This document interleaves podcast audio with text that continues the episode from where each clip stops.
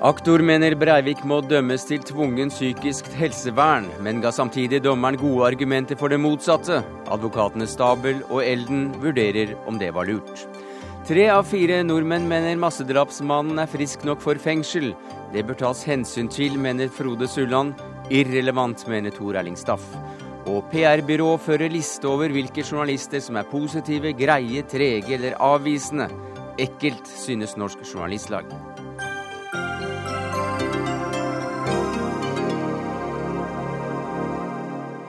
Ja, Det er noen av sakene i Dagsnytt 18 denne torsdagen, der vi også tar debatten om Vålerengas bruk av duskedamer for å fylle tribunene. Men vi eh, begynner med den store FN-konferansen i Rio de Janeiro. Jens Stoltenberg, hva er det du kommer til å legge vekt på i hovedtalen du straks skal holde der?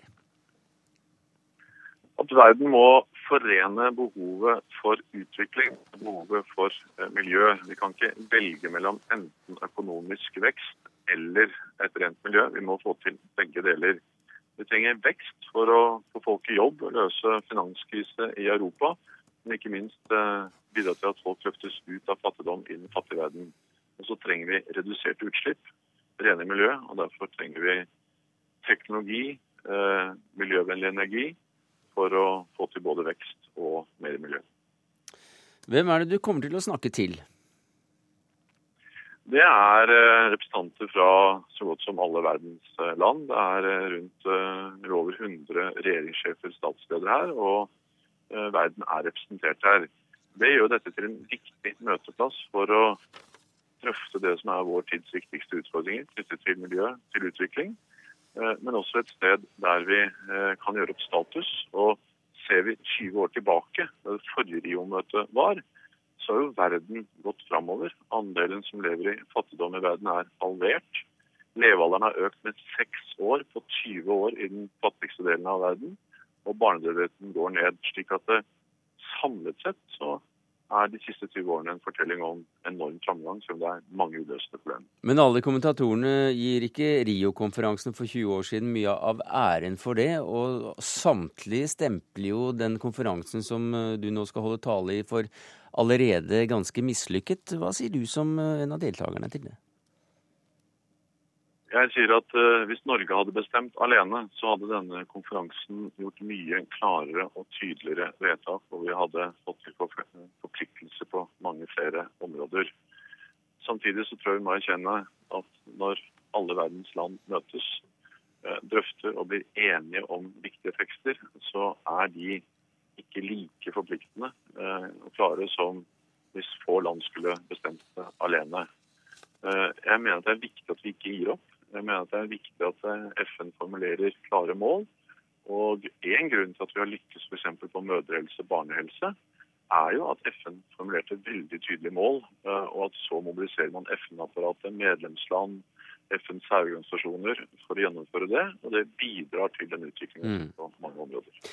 Du, Vi har akkurat fått inn en melding her om eh, at eh, denne teksten, som jo skal være forhandlet frem, og som eh, nærmest bare er å, å signere hvis man blir enig, men teksten er også forholdsvis klar. Nå ryktes det at flere i Africa Union vil kreve gjenåpning av teksten i forhandlingene. Hva, hva kan du si om det? At jeg er temmelig sikker på at det er denne teksten som til slutt blir vedtatt. Men den blir jo ikke vedtatt før den vedtas, og derfor er det i prinsippet mulig å gjenåpne. Men jeg tror at hvis man gjenåpner det som nå er, en enighet som skal bekreftes, så tror jeg det eh, lett ender uten noen som helst enighet om noen tekst overhodet. Og det mener jeg alt i alt ville være eh, synd. Fordi eh, det at man i hvert fall har blitt enige om noen viktige prinsipper, Eh, det er bedre enn at man går herfra eh, uten enighet eh, i det hele tatt. Nå river og sliter de i deg der nede i Rio de Janeiro, Jens Stoltenberg. Du skal snart på talerstolen. Takk for at du var med i Dagsnytt 18. Hør Dagsnytt 18 når du vil, på nettradio eller som podkast. nrk.no – dagsnytt 18. Så til det som skjedde i rettssal 250 under rettssakens nest siste dag. Anders Behring Breivik, født 13.2.1979, dømmes til tvungent psykisk helsevern i medhold av straffeloven paragraf 39. for å ha begått de forhold som er omhandlet i Oslo statsadvokatembeters tiltalebeslutning av 13. april 2012. Aktoratet mener altså at Breivik bør idømmes eh, tvungent psykisk helsevern. Og Ellen Omland, du har da fulgt eh, denne saken som vår reporter i retten, i dag. Hvordan var veien fram til denne konklusjonen? Jo, Aller først så startet eh, statsadvokat Inga Beyer-Eng med å si at tusenvis av mennesker er berørt av dette traumet her, og at midt i dette traumet så skal en gjerningsperson stilles til ansvar. Og, og denne saken skal Altså, det kan jo bli hva skal jeg si, for en sak som dette utfordrer jo egentlig dette problemet. Og Da eh, Svein Holden skulle redegjøre for, for, spørsmål om tilregnelighet, så kom han jo inn på dette med tvil. Eh, det var reist så mye tvil at det var eh, ikke til å unngå å se bort ifra det. Og han sa også at dagens lovverk, hvis man skal følge det, så er Breivik strafferettslig utilregnelig. Og da betyr det at han må overføres eller dømmes da til tvungen psykisk helsevern. han gikk også veldig nøye gjennom flere rettspraksiser. Han viste jo til en høyesterettsdom fra 1979 bl.a., som sier at det er mindre krav til bevis eh, når man skal bevise om en person er eh, tilregnelig opp mot det å være utilregnelig, eh, i forhold til andre straffbare forhold. Og det skal også være en sannsynlighetsovervekt for å kunne bli vurdert til å være tilregnelig. Han viste også til rapportene, altså disse rettspsykiatriske erklæringene, og svakheter ved det. Og han mente bl.a. at det var flere symptomer av psykose som var beskrevet i eh, rapport nummer én, som han mente var svakt fundamentert, som han sa. Eh, og han sa også at flere av de som har vitnet under rettssaken, som har snakket med Breivik, og som har erfaring i det å skulle eh, se etter symptomer på psykose, har jo snakket med Breivik tettere opp i tid i forhold til 22.07 enn det Husby og, og Sørheim hadde gjort. Alt dette lå i vektskålen, som det altså tippet i i retning da å bli dømt til tvungent uh, psykisk helsevern. En, uh, en, uh, en, sak som da eventuelt Breivik ikke vil vinne, for han vil jo det helt annerledes. Hvordan reagerte han på det? Altså, Det var jo flere ganger under prosedyren at han smilte eh, når eh, Eng og, og, Holden eh, kom inn på dette med tvil, bl.a. Etter at retten var hevet, så, så gjorde han denne høyreekstreme hilsenen sin. Han hevet armen, som han også gjorde i begynnelsen av, eh, av rettssaken, uh -huh. og som han da ble bedt om å, å, slutte med, og som han gjorde. Så det at eh, Han har jo også sagt under rettssaken at hvis han blir dømt til fengsel, eh, så blir det for hans sin del ingen ankesak, uten at man rett nødvendigvis skal ta det med i vurdering. men, men det var nok altså det at han gjorde denne høyreekstreme hilsenen på rettsdagens eh, nest siste dag, det var nok hans måte å si at han ikke var eh, enig i påstanden fra aktoratet. Takk skal du ha, Ellen Omland, reporter i NRK. Advokat Harald Sabel, du har kommentert denne rettssaken for oss i NRK nå i, i mange uker. Hvordan eh, oppfattet du den hilsenen, for å ta det først? Jeg så den ikke, men det sies jo at den kom. Jeg vet ikke hvordan man skal eh, oppfatte det. Og jeg vet ikke i hvilken grad det blir tillagt noen betydning heller for de spørsmålene som retten skal ta standpunkt i nå, som er vanskelige nok. Men Breivik sier altså at han ikke var overrasket over aktoratets eh, konklusjon. Var du det, advokat eh, Jon Christian Hellen? Nei, Det er vanskelig å være overrasket, for her var det to muligheter. Og det var den som var mest nærliggende, også ut fra tiltalebeslutningen. Det som påtalemyndigheten har gjort, er at de har helgardert seg. Fordi at de har jo også lagt ned en subsidiær påstand i prosedyren sin. Eh, og Det betyr også at eh, retten står nå iallfall rimelig fritt eh, til å foreta en selvstendig vurdering av dette spørsmålet. Så Sånn sett har de beveget seg et lite skritt i retning av tilregnelighet kontra da tiltalen ble vurdert. Men de, de, også... de åpnet, det betyr også at de åpnet også for at, at hvis retten kommer fram til noe annet enn en hva de sa, så syns de egentlig at det er veldig forståelig? Ja, de har åpnet for det, og det betyr at de holder det som en mulighet. Nemlig at retten kan komme frem til det motsatte resultatet, og i så fall så kan ha en forvaringsdom på 21 år, har jo påtalemyndigheten eh, bedt om. Eh, og Det betyr at de utelukker altså ikke den muligheten. De har nå reist en subsidiær straffesak. Eh, det betyr at de har foretatt en objektiv, nøktern vurdering. De har kommet frem til at her er ikke bevisbildet tilstrekkelig til at skyldkravet er mm. oppfylt, altså at tilregnelighetskravet er oppfylt. Derfor påstår de helsevern. Det som er litt viktig å understreke, er at helsevern i denne sammenhengen betyr samfunnets vern det er altså ikke primært eh, Breivik sitt vern man eh, snakker om i eh, så måte. Poenget er altså å holde han innesperret fordi at han utgjør en fare. og mm. Det vil være situasjonen uansett her. Stavel. Tvil er jo stikkordet her i dag, og det gikk igjen mange ganger. Aktoratet er jo i sterk tvil om utilregnelighetsspørsmålet. Eh, kanskje overraskende over at eh, de var i så sterk tvil, og at de hadde så sterk kritikk mot den første sakkyndigrapporten, som de jo lente seg på gjennom hele prosedyren. Var jo nesten ikke innom den sakkyndigrapport nummer to. Og så er de også i tvil om jussen her. Eh, ja, Hva tviler de på i jussen? De tviler på beviskravet for tilregnelighet. Det er jo det som skal bevises når det er nedlagt påstand om tvungent psykisk helsevern. Mm. Og der gikk de veldig langt og stilte veldig strengt krav, nærmest opp mot beviskravet til selve handlingen. Mens det er mulig å argumentere godt for at det beviskravet må senkes. Og Høyesterett har ikke tatt noe endelig standpunkt til akkurat den situasjonen man er i her, hvor Breivik selv ønsker å være tilregnelig.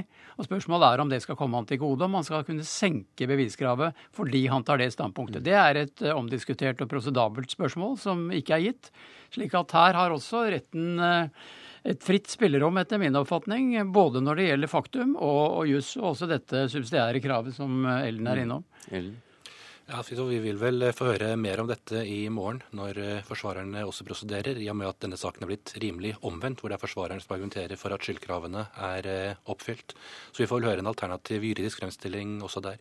Etter min oppfatning så har påtalemyndigheten lagt seg på en riktig juridisk oppfatning i denne sammenhengen, fordi at de har også vist til det rettskildematerialet som foreligger, og ikke sett hen til hvordan loven bør være, men heller på hvordan den er. Og Gjorde de en god jobb? Ja, På deres eh, premisser så uh, må man jo mene at uh, de gjorde det. Eh, jeg mener kanskje når det gjelder objektivitetskravet at de burde nevnt en høyesterettsdom fra 2008 som mm -hmm. kan underbygge et lavere beviskrav, klart, enn det de legger opp til, ned mot sannsynlighetsovervekt. Men, men summa summarum her så er de ærlige på den tvilen de, de har, og, og, det er altså nyttig for retten å, å ha med seg når de, når de, skal treffe en endelig avgjørelse. Ja, For Holden var ikke innom uh, å spekulere i sannsynligheter?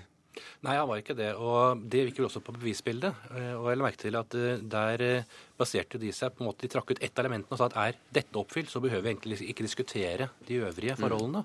Mm. Og det gjorde de jo heller ikke.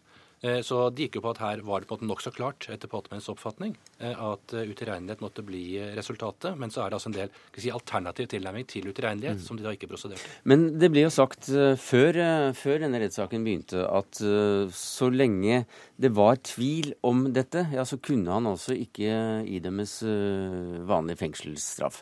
Og tvil, det ble det jo da selvfølgelig i og med den første sakkyndigrapporten, så, så hvorfor alt dette? Nei, men Det gikk jo da ut uh, umiddelbart etter at den ble lagt fram, bare noen timer etter, og sa nå er det skapt en tvil, og da må vi prosedere på tvungent psykisk helsevern, mm, ja, fordi vi mener det er riktig. Ja, så de har ikke latt seg vippe i en annen retning i løpet av rettssaken? Nei da, og så kom jo det spørsmålet opp skal man oppnevne flere sakkyndige, og, og da sa de jo at det, kan, det mener det påtalemyndigheten ikke var påkrevd, og dermed gjorde de det ikke. Vi fikk heldigvis oppnevnt uh, to nye sakkyndige for å få best mulig opplysning av det sentrale spørsmålet som uh, disse sakkyndige skal belyse.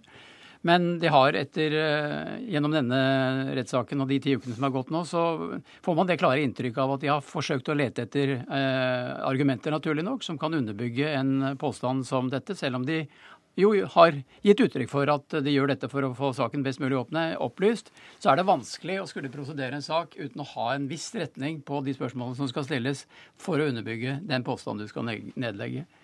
Det ble også sagt at uh, de ikke vil med, med, med denne rettssaken skape ny rett. Hva innebærer det? Det innebærer at de har en forståelse av uh, gjeldende rett, hvor altså sier at uh, det er det en rimelig tvil, om enn ikke si noe lavere krav enn andre forhold, men er det en rimelig tvil, så kan man ikke dømme noen til ordinær fengselsstraff. Det utgangspunktet har de tatt.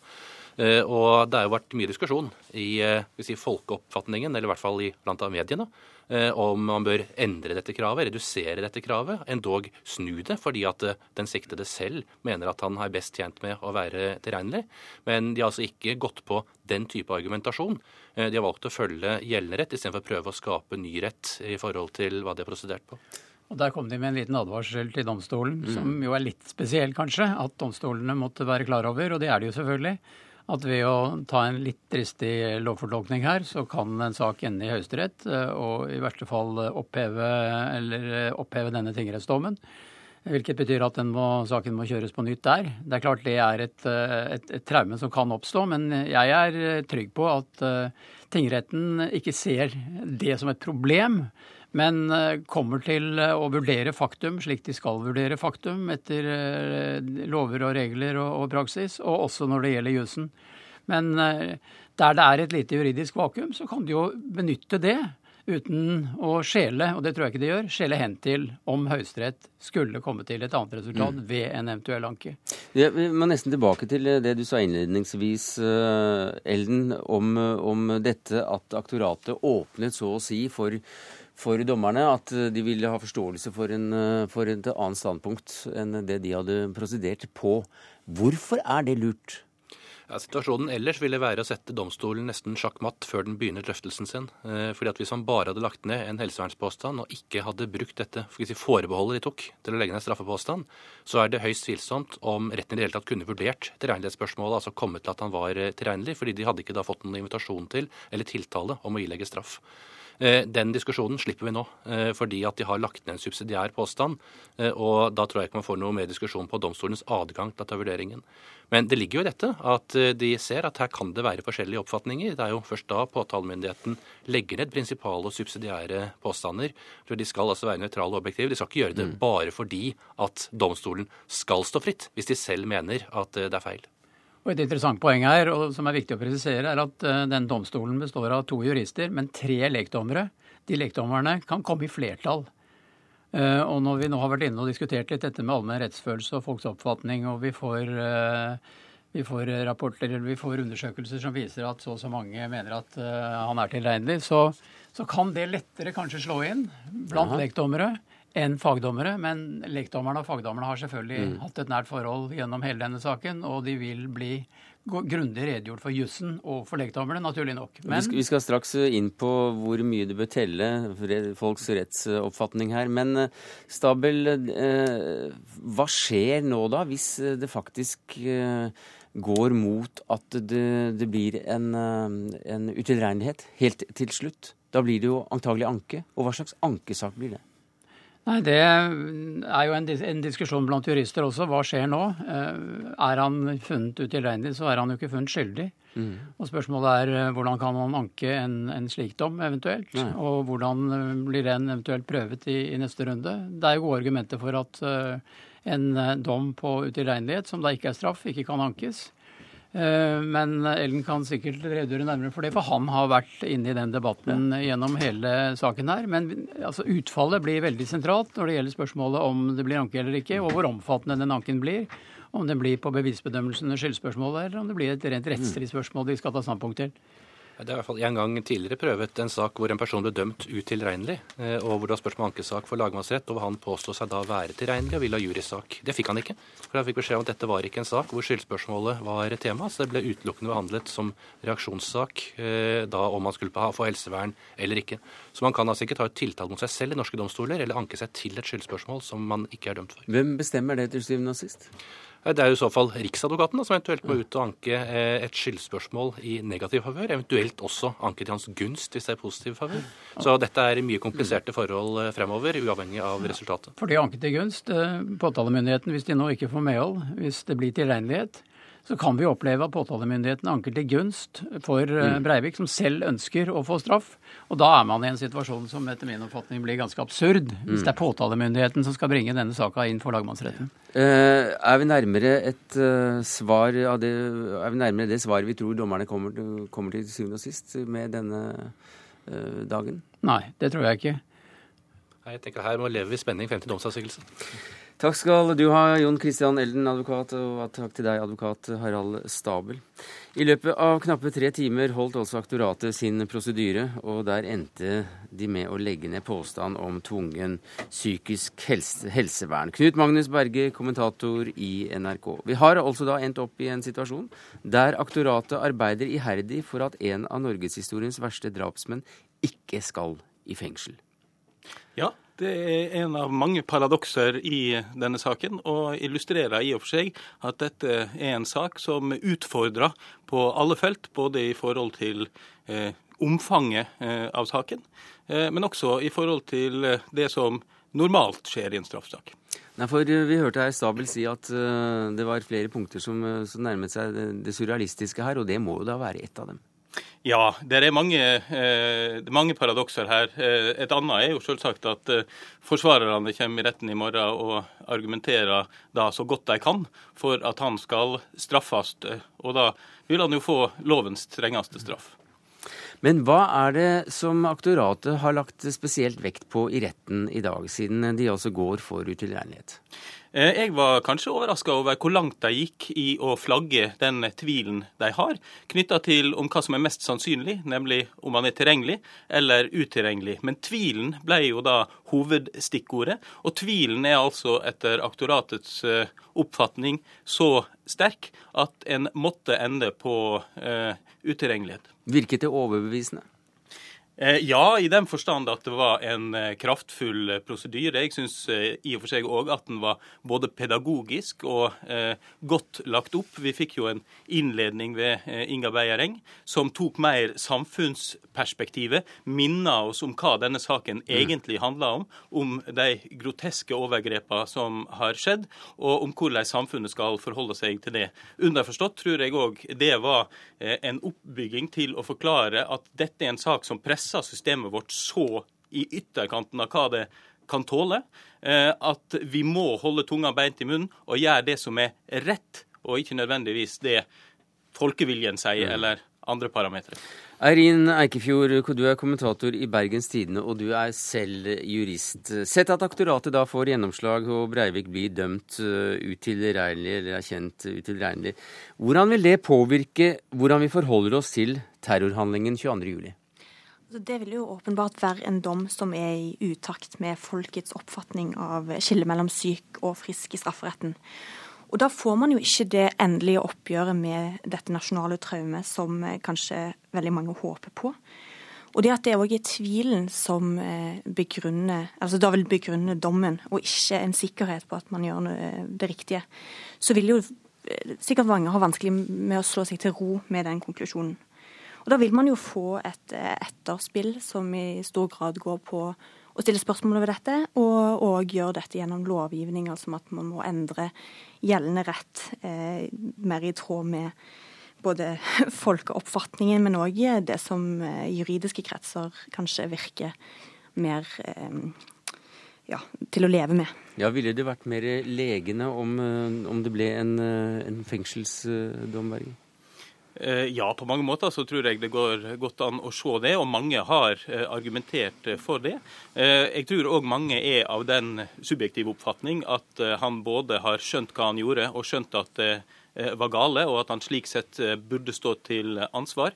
Men nå er vi da over på det som var i og for seg diskusjonen før dagens prosedyre. Skal det vektlegges i denne saken eller ikke? Jeg er helt enig Eh, med Eikefjord her i at eh, denne saken kommer til å avføde en debatt. Eh, vi kan jo bare minne om den debatten som kom da den første sakkyndigerklæringa ble lagt fram i fjor høst. Og det er jo den erklæringa som mye av dagens konklusjon bygger på. Eikefjord, du er jo da også jurist, og du er aviskommentator.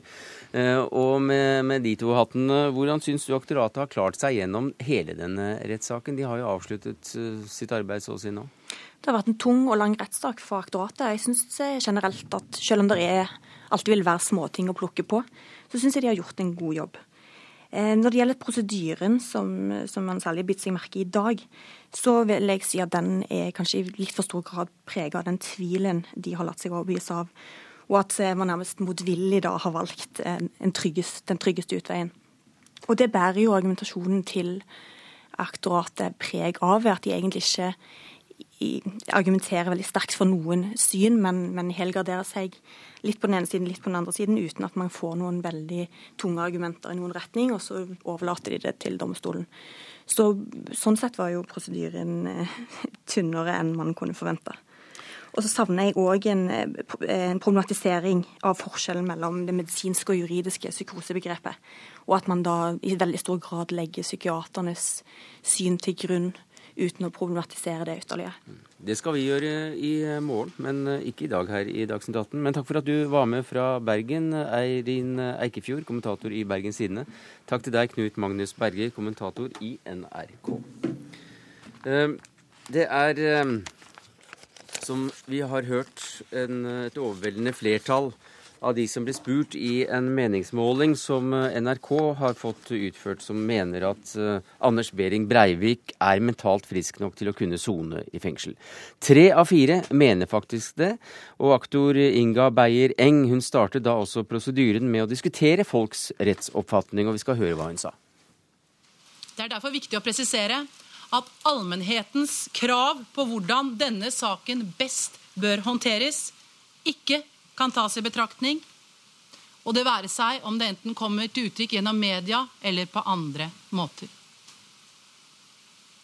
Den alminnelige rettsfølelse kan være et viktig tolkningsmoment i enkelte relasjoner i straffesretten, men ikke i de spørsmål som er til behandling på rettens bord i denne saken. Ja, Spørsmålet blir da om eh, dommeren i det hele tatt bør ta det minste hensyn til folks rettsoppfatning. Og Hva sier du til det, advokat Frode Sulland? Det er jo selvfølgelig eh, helt korrekt at det er eh, jussen som må danne utgangspunktet for rettens vurderinger. Men en domstol kan ikke fungere i et totalt vakuum. Og en avgjørelse må ha en eh, legitimitet også i det samfunnet som eh, domstolen eh, er en del av. Og I den forbindelse så vil det nok kunne prege også denne domstol hvordan den oppfatter at tilregnelighetsspørsmålet vurderes i allmennheten. Hva sier du til det, Tor Ellingstaff? Jeg er helt uenig. Jeg mener at det er totalt galt, og at spørsmålet om den alminnelige rettsoppfatning er irrelevant, og det er villedende. Og det har vært villedende i hele debatten. Ja, Hvorfor det? Fordi det er ikke relevant i forhold til spørsmålet om tilregnerett. Sulland? Ja, Det interessante her er jo eh, at påtalemyndigheten i straffesaker eh, jevnlig påberoper seg nettopp denne rettsfølelsen. Fordi generelle undersøkelser viser at eh, folk flest, de, eh, når de spørres, de vil gjerne ha strengere straffer. I dette tilfellet så ønsker altså påtalemyndigheten slett ikke å påberope seg rettsfølelsen, fordi at den eh, går i motsatt retning. Det som er mitt poeng, er ikke at retten skal sette seg ned og stikke fingeren opp og kjenne etter hvor vinden blåser, men at man vil ved anvendelsen av de rettsreglene som her kommer inn, spesielt da tilregnelighetsbestemmelsen i straffelovens paragraf 44, eh, ha en opplevelse av at det er vanskelig å få aksept i en opinion og i en offentlighet for et tilregnelighetsgrep tilregnelighetsbegrep mm. som er altfor vidt. Jeg mener at dette er en klar blanding av begrep når man i mer ordinære straffesaker ser hen til eh, hvordan en eh, straffeutmåling vil virke, den, hvilken effekt den vil ha, så er det noe helt annet enn hvorvidt man skal tenke, trekke det inn ved spørsmål om tilregnerett eller ikke tilregnerett. Ja, hvorfor det? Etter mitt syn fordi det hører ikke hjemme der. Det er ikke folks oppfatning. Det er ikke slik at det er folkeavstemning omkring tilregnelighet. Det er ikke slik at, uh, at det er et flertall som skal avgjøre det. Det er jo tross alt tale om, om, om psykiatri, det er tale om psykologi, det er tale om profesjoner som har med hode, sjel og karakter, natur å gjøre. Og det, jeg mener Hvis man skulle overlate det til folket da behøvde man jo nesten ikke ha domstol. Men Nei, men hvis du overlater det til bare psykiatere, så, så ser du også at det ikke er helt stringent. Nei, men, og, det, og, det, er selvfølgelig kjempeinteressant, og sånn er det bare. Men det, de er på hjemmebane. Det er de som spiller spillet. Men uh, vi har jo opplevd at uh, debatten går på svært mye på dette. Hva vil folk Ikke tilregner tilregnelig, hva vil folk si? Går det på debatten. Og de trekker inn andre irrelevante poeng i debatten.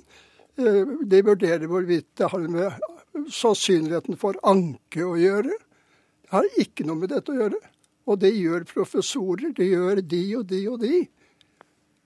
Jeg, er, eh, jeg mener at eh, mange av de som har opptrådt som offentlige fagfolk, og de er fagfolk, men de har, om det er bevisst at de villeder opinionen, eller at de bare gjør det uten å tenke om. Sullan, hva sier du til det? Nei, her, eh, er det vel litt vanskelig å, å, vite helt hvor man skal ta tak. Det er helt uh, korrekt selvfølgelig som uh, Staff har vært opptatt av, at uh, en allmenn hevnfølelse må ikke ha noen plass i den diskusjonen. Spørsmålet om hva som vil være resultat og en mulig utvikling i forhold til et ankespørsmål, har ingen betydning.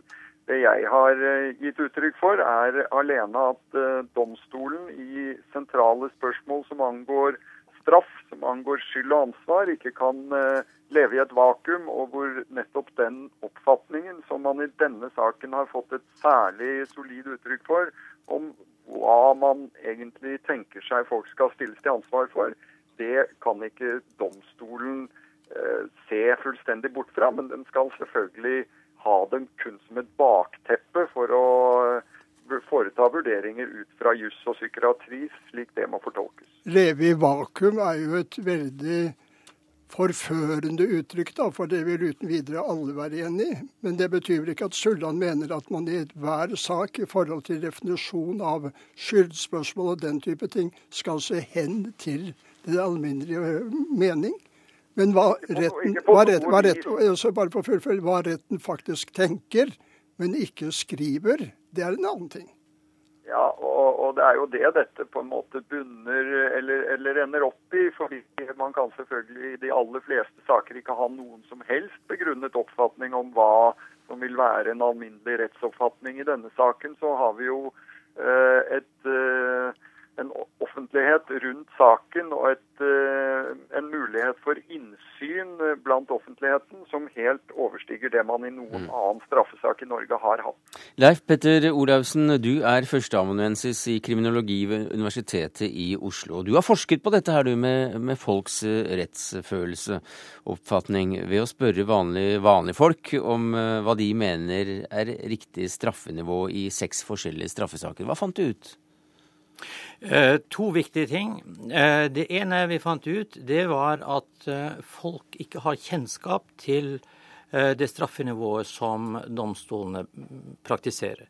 De undervurderer temmelig sterkt straffene som praktiseres, og tror at straffene i domstolene er langt mildere enn det de faktisk er. Eh, det andre vi fant ut, det var at når de sjøl skulle antyde hvilken straff de ville gitt i disse seks sakene, og sammenligna de svarene som folk ga med det seks dommere mente ville bli utfallet i en domstol i de samme seks sakene, så var altså straffene gjennomgående som folk ga, gjennomgående mindre prega av fengselsstraff enn det de ville fått om sakene hadde gått ved ordinær domstol. Det, det funnet det, det, var litt overraskende, for alle som har vært tillitsvalgt på ungdomsskolen eller rundt omkring, vet jo at uh, slike tillitsvalgte dømmer ofte sine egne mye strengere enn det lærere og rektor og slikt gjør. Ja, men det er ikke så uh, overraskende hvis man ser hvordan legdommere opptrer i vanlige domstoler. Vi, Strafferetten hos oss er prega av at vi har et flertall av legdommere både i underrettene og i lagmannsretten eh, når straff skal eh, fastsettes. Og Der er det slik, enten vi nå liker å vedstå oss eller ikke, at i all hovedsak så er legdommere og fagdommere mm. enige. Men så er de uenige i 5% av tilfellene, og da er det en klar overvekt i retning av at da ønsker eh, legdommerne i større grad å frifinne enn det fagdommerne vil.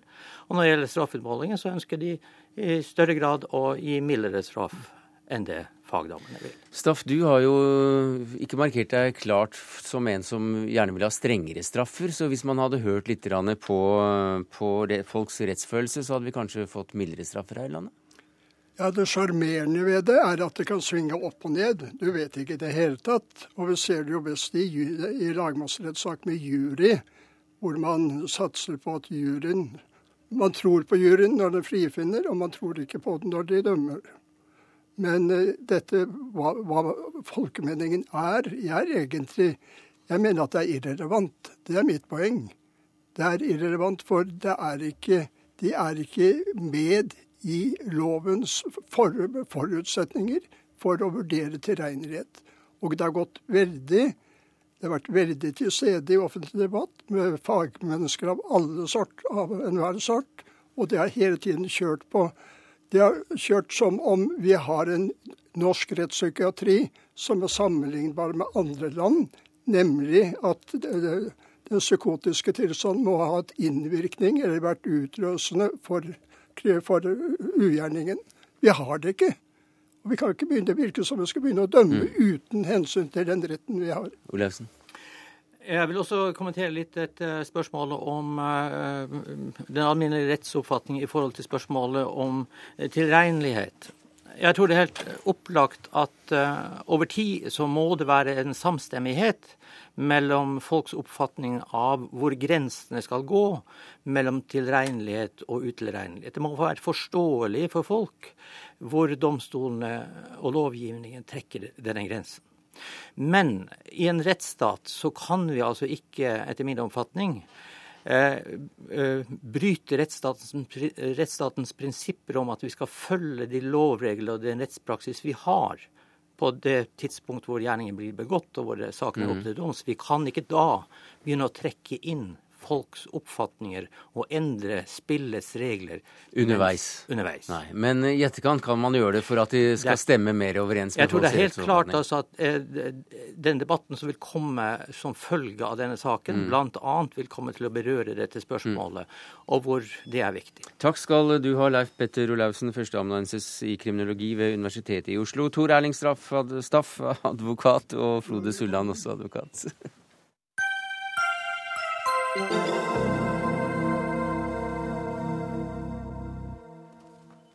som har noe å markedsføre, noe å selge, om det er eh, politisk standpunkt eller et produkt, vil jo gjerne at eh, avisene skal skrive om det, eller radio og fjernsyn skal lage en eh, sak om det.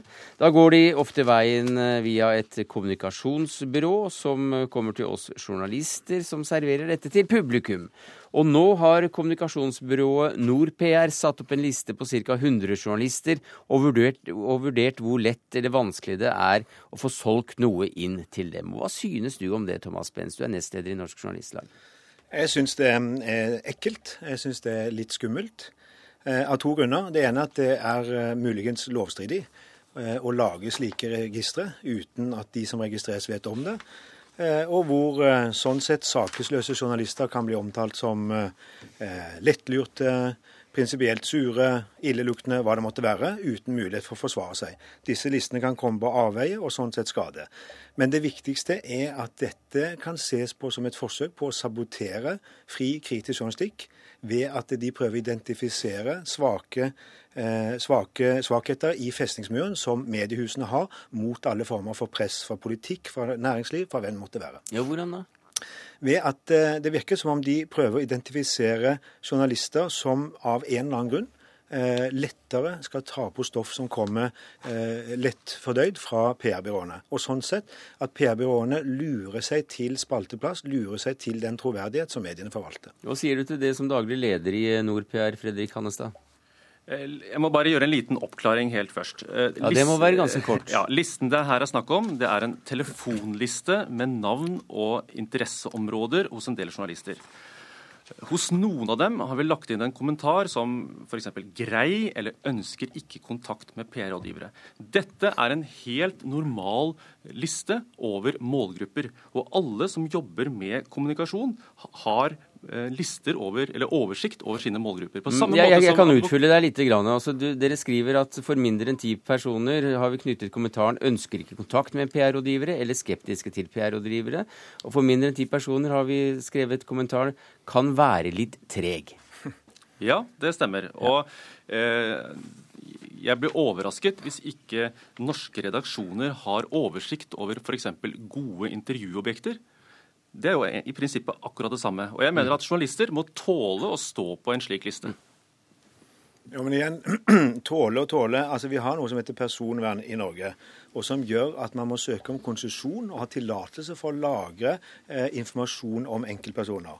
Så Det syns jeg i seg selv eh, dere burde gå i næringen. Eh, og det er jo viktig at eh, heldigvis har jo andre i bransjen gått ut og tatt avstand fra dette. Eh, en av dine kollegaer kaller jo hele fremgangsmåten for brutal. Eh, så sterke ord vil jeg kanskje ikke bruke, men iallfall ekkelt. Men det viktigste er igjen at det er et forsøk på å underminere en allerede hardt presset mediestand som forsøker å holde eh, fanen høyt, bevare kvaliteten. og Da er det litt synd at andre prøver å bevisst finne snarveier og lure på stoff av den ene eller annen art inn i spalteplass, inn i radio og TV, eh, på en måte som ikke oppfattes som fair. Ja, altså Bare for å rydde av veien det med eh, loven først. Eh, da vi etablerte listen høsten 2009, så var vi ikke engang inne på tanken at dette var i nærheten av å være et brudd med personvernlovgivningen. Det kan det være allikevel. Nei, nå Nei. har pga. dette oppslaget i Dagens Næringsliv, så har vi fått advokaten vår til å vurdere det. Og de sier at de har vurdert den faktiske listen, og deres konklusjon er at listen det her er snakk om, ikke er i strid med personopplysningsloven. Så det, det med lovligheten det kan 100 tilbakevises. Ja, men som jeg sa, det viktigste er den etikk, eller mangel på etikk, som dere viser ved at dere istedenfor å komme med godt stoff og forsøke å argumentere for det, så prøver dere å finne svakeste ledd i kjeden og sånn sett snike stoff på som ikke ville passert normal kritisk kontroll.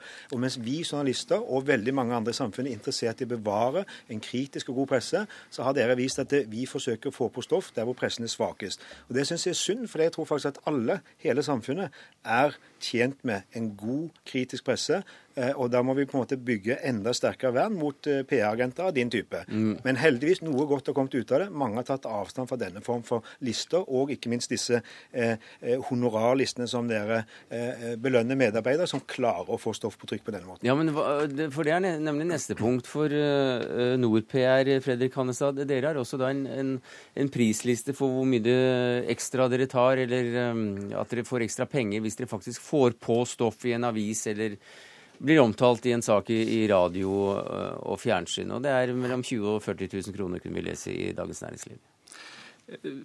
Jeg kan si det sånn at en, en norsk skiløper får bonus når han oppnår resultater. Og Kundene våre er også opptatt av resultater. Og Det var kundene våre som opprinnelig ønsket å la noe av honorarene våre være resultatavhengig. Og Kundene våre blir aldri påtvunget denne bonusmodellen. slik at eh, Det er ikke snakk om å snike seg til, eh, til, til eh, å, å, bli hørt. Eh, men jeg tror folk flest vet ganske lite om hvordan en sak blir til. Og ethvert tips til en nyhetsredaksjon, det har en agenda. Mm. Det er, ikke, det, er, det er, ikke, noe rart at det er uh, no cure, no pay. Og hvis du faktisk får det til, så, ja, så får du litt penger for dette, Eskmens. Nei, jeg syns dette er ute av alle proporsjoner. Altså, Hvorfor det? Nå, fordi det er snakk om store summer, opptil 40 000 kroner. Og dette vet vi fra alle andre av livets forhold, at penger det kan få folk til å opptre på en annen måte enn de ellers ville gjort. Og hvis du da altså frister med en hel eller halv månedslønn, Eh, for å få en sak på trykk, så vet du at det kan finnes svakere sjeler som lar seg friste til å holde noe informasjon unna, til å fremheve noe annet, og ikke ha saklighet, sannhet, fakta som ledesnor. Men hvordan kan jeg skaffe meg 30 000-40 000 kroner? Nei, det er eh, igjen en forsøk på å underminere en god journalistikk. Jo, men eh, det er da opp til oss journalister å, å, å vurdere om dette er godt stoff for oss og kan presenteres på en grei måte. Når, når alle vet at et oppslag f.eks. i en Dagsrevy kan være verdt millioner av kroner for uh, selgere. Det er helt enig. Dette er et varsko. Vi har vært klar over det før. Vi har fått et nytt signal om at journalister, redaktører, alle sammen må være enda mer bevisst på hvor tipsene kommer fra. Og fra denne bransjen, som vi har mye, mye debatt rundt, så må vi da enda, være enda sikre på hvorfor har vi fått disse tipsene, og har vi gjort det nødvendige arbeid. Og vi må ikke minst passe på at de ikke shopper rundt i redaksjonene for å finne at til slutt er det en som av en eller annen grunn, tidspress eller hva det måtte være, eh, lar seg fange inn av tilbudet. Hannestad? da? det må være langt enklere for en journalist å forholde seg til en profesjonell kommunikatør, fordi man vet hva agendaen hans faktisk er. Når det gjelder alle de andre tipsene som eh, også har en agenda, så vet man ikke hva drivkraften bak er. Og eh, det er jeg spent på å høre hva Spens mener om det. Jo, altså, Vi vil gjerne ha tips for det, men jeg har bare lyst til å sitere hva en kollega de skrev i Dagens Næringsliv om dette belønningssystemet. Slikt skaper desperate PR-mennesker, og det er denne typen du ser ringe rundt til alle redaksjonene osv. Mm. Poenget er at det er så store summer at det inviterer til en form for eh, pushing som vi ikke ønsker. Eh, han, Fredrik, Fredrik Hannestad, eh, som PR-mann, eh, er all PR god PR? I så fall så har du vel eh, fått 40 000 kroner for å få være med i Dagsnytt 18 også? Jeg har nok ikke gjort det, nei. Så, men jeg kan bare raskt legge nei, til Nei, det kan du ikke, okay. nå må vi dessverre slutte. Vi skulle gjerne ha hørt deg der du sitter på linje fra Minde i Bergen. Fredrik Hannestad, daglig leder i NorPR. Takk til deg, Thomas Benz, nestleder i Norsk Journalistlag.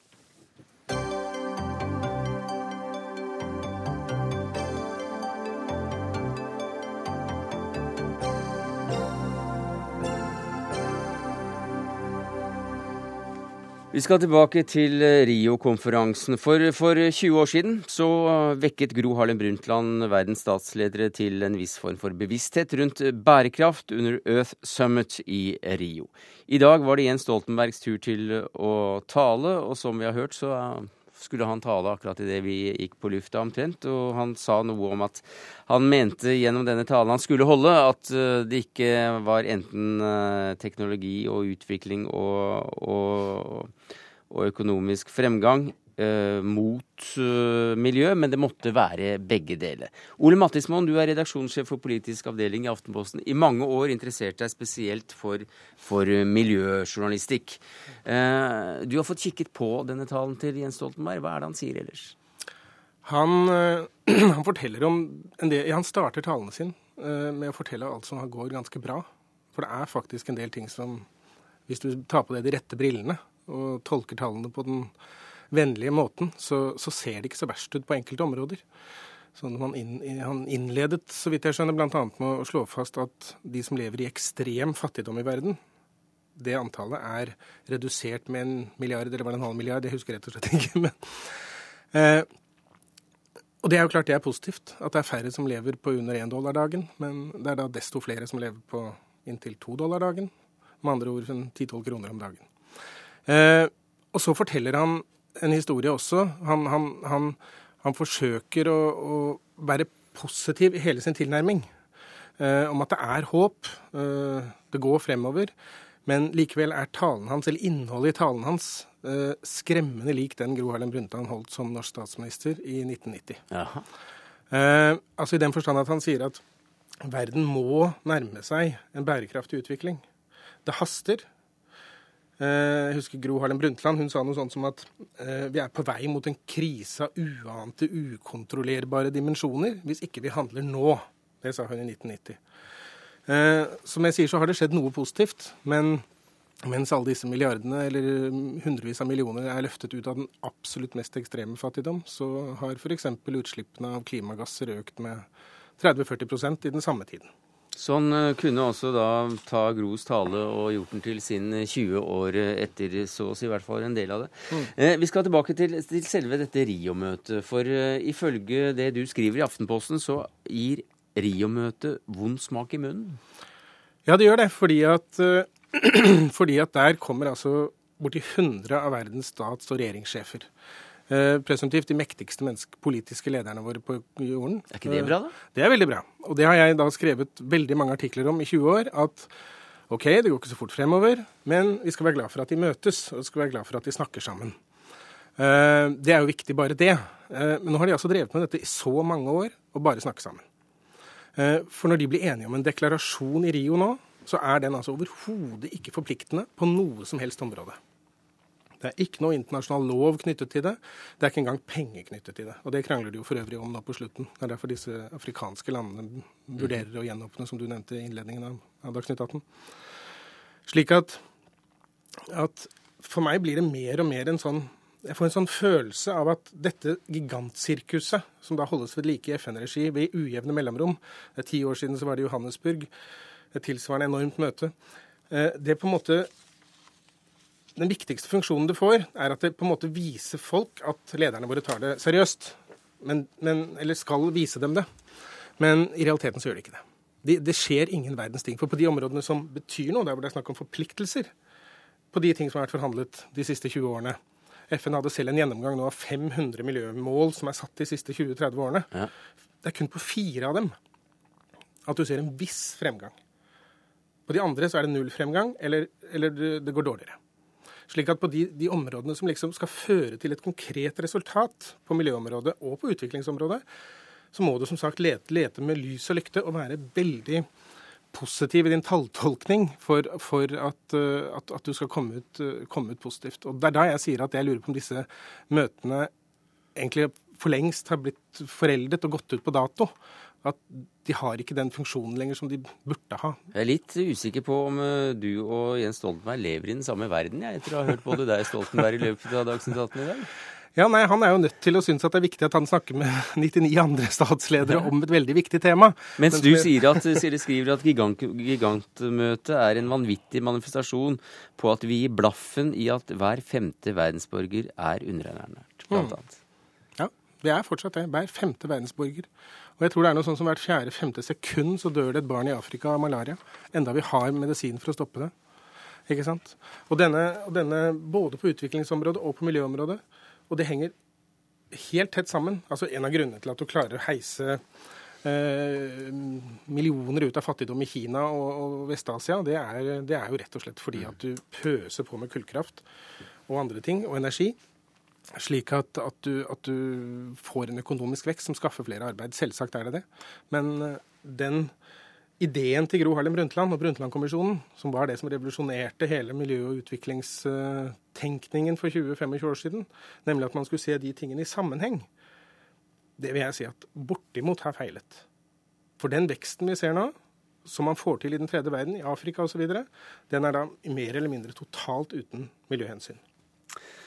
Men uh, hva skal man uh, Jeg holdt på å si at det var hyggelig å ha deg her. Jeg vet ikke, jeg vet ikke hvor oppbyggende det var. Men, uh, men, hva skal til da? Altså skal, bør man gå bort fra disse konferansene og heller ta dette her um, i, i, grupper på f.eks. G20-møter etc.? Ja, det har jo ikke vært noen gigantsuksess, det heller, for å si det rett ut. Nei. Men det er to ting tenker jeg, er, hvis man skal trekke frem noe som er positivt. Eller ikke positivt, men to ting vi må vente på. Og hvis du ser rundt omkring på den teknologien som utvikles, mm så gir det grunn til optimisme altså i næringslivet, enten det er i Kina eller Europa eller hvor som helst. Ingen hadde trodd for ti år siden at vindkraft, solkraft skulle være på det nivået det er nå. Det skjer, men det skjer kanskje fortsatt for sakte, men der skjer det store ting. Elbilen er kommet. Ja. Avskogningen i regnskogene våre, den er redusert, men den avskoges jo fortsatt i et altfor høyt tempo, selvsagt. Mm. Men farten er redusert. Vi har gitt oss selv litt tenkepause. Det er positive ting innimellom, men Rio skulle liksom se på helhetsbildet. Og der er det vanskelig å få øye på å bli en kjempeoptimist dessverre.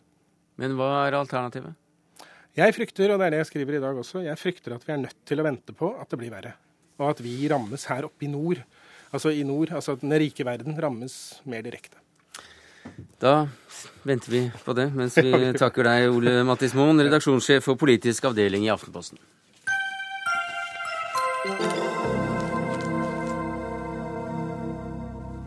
Så til hvordan Vålerenga har tenkt å skaffe publikum til neste kamp.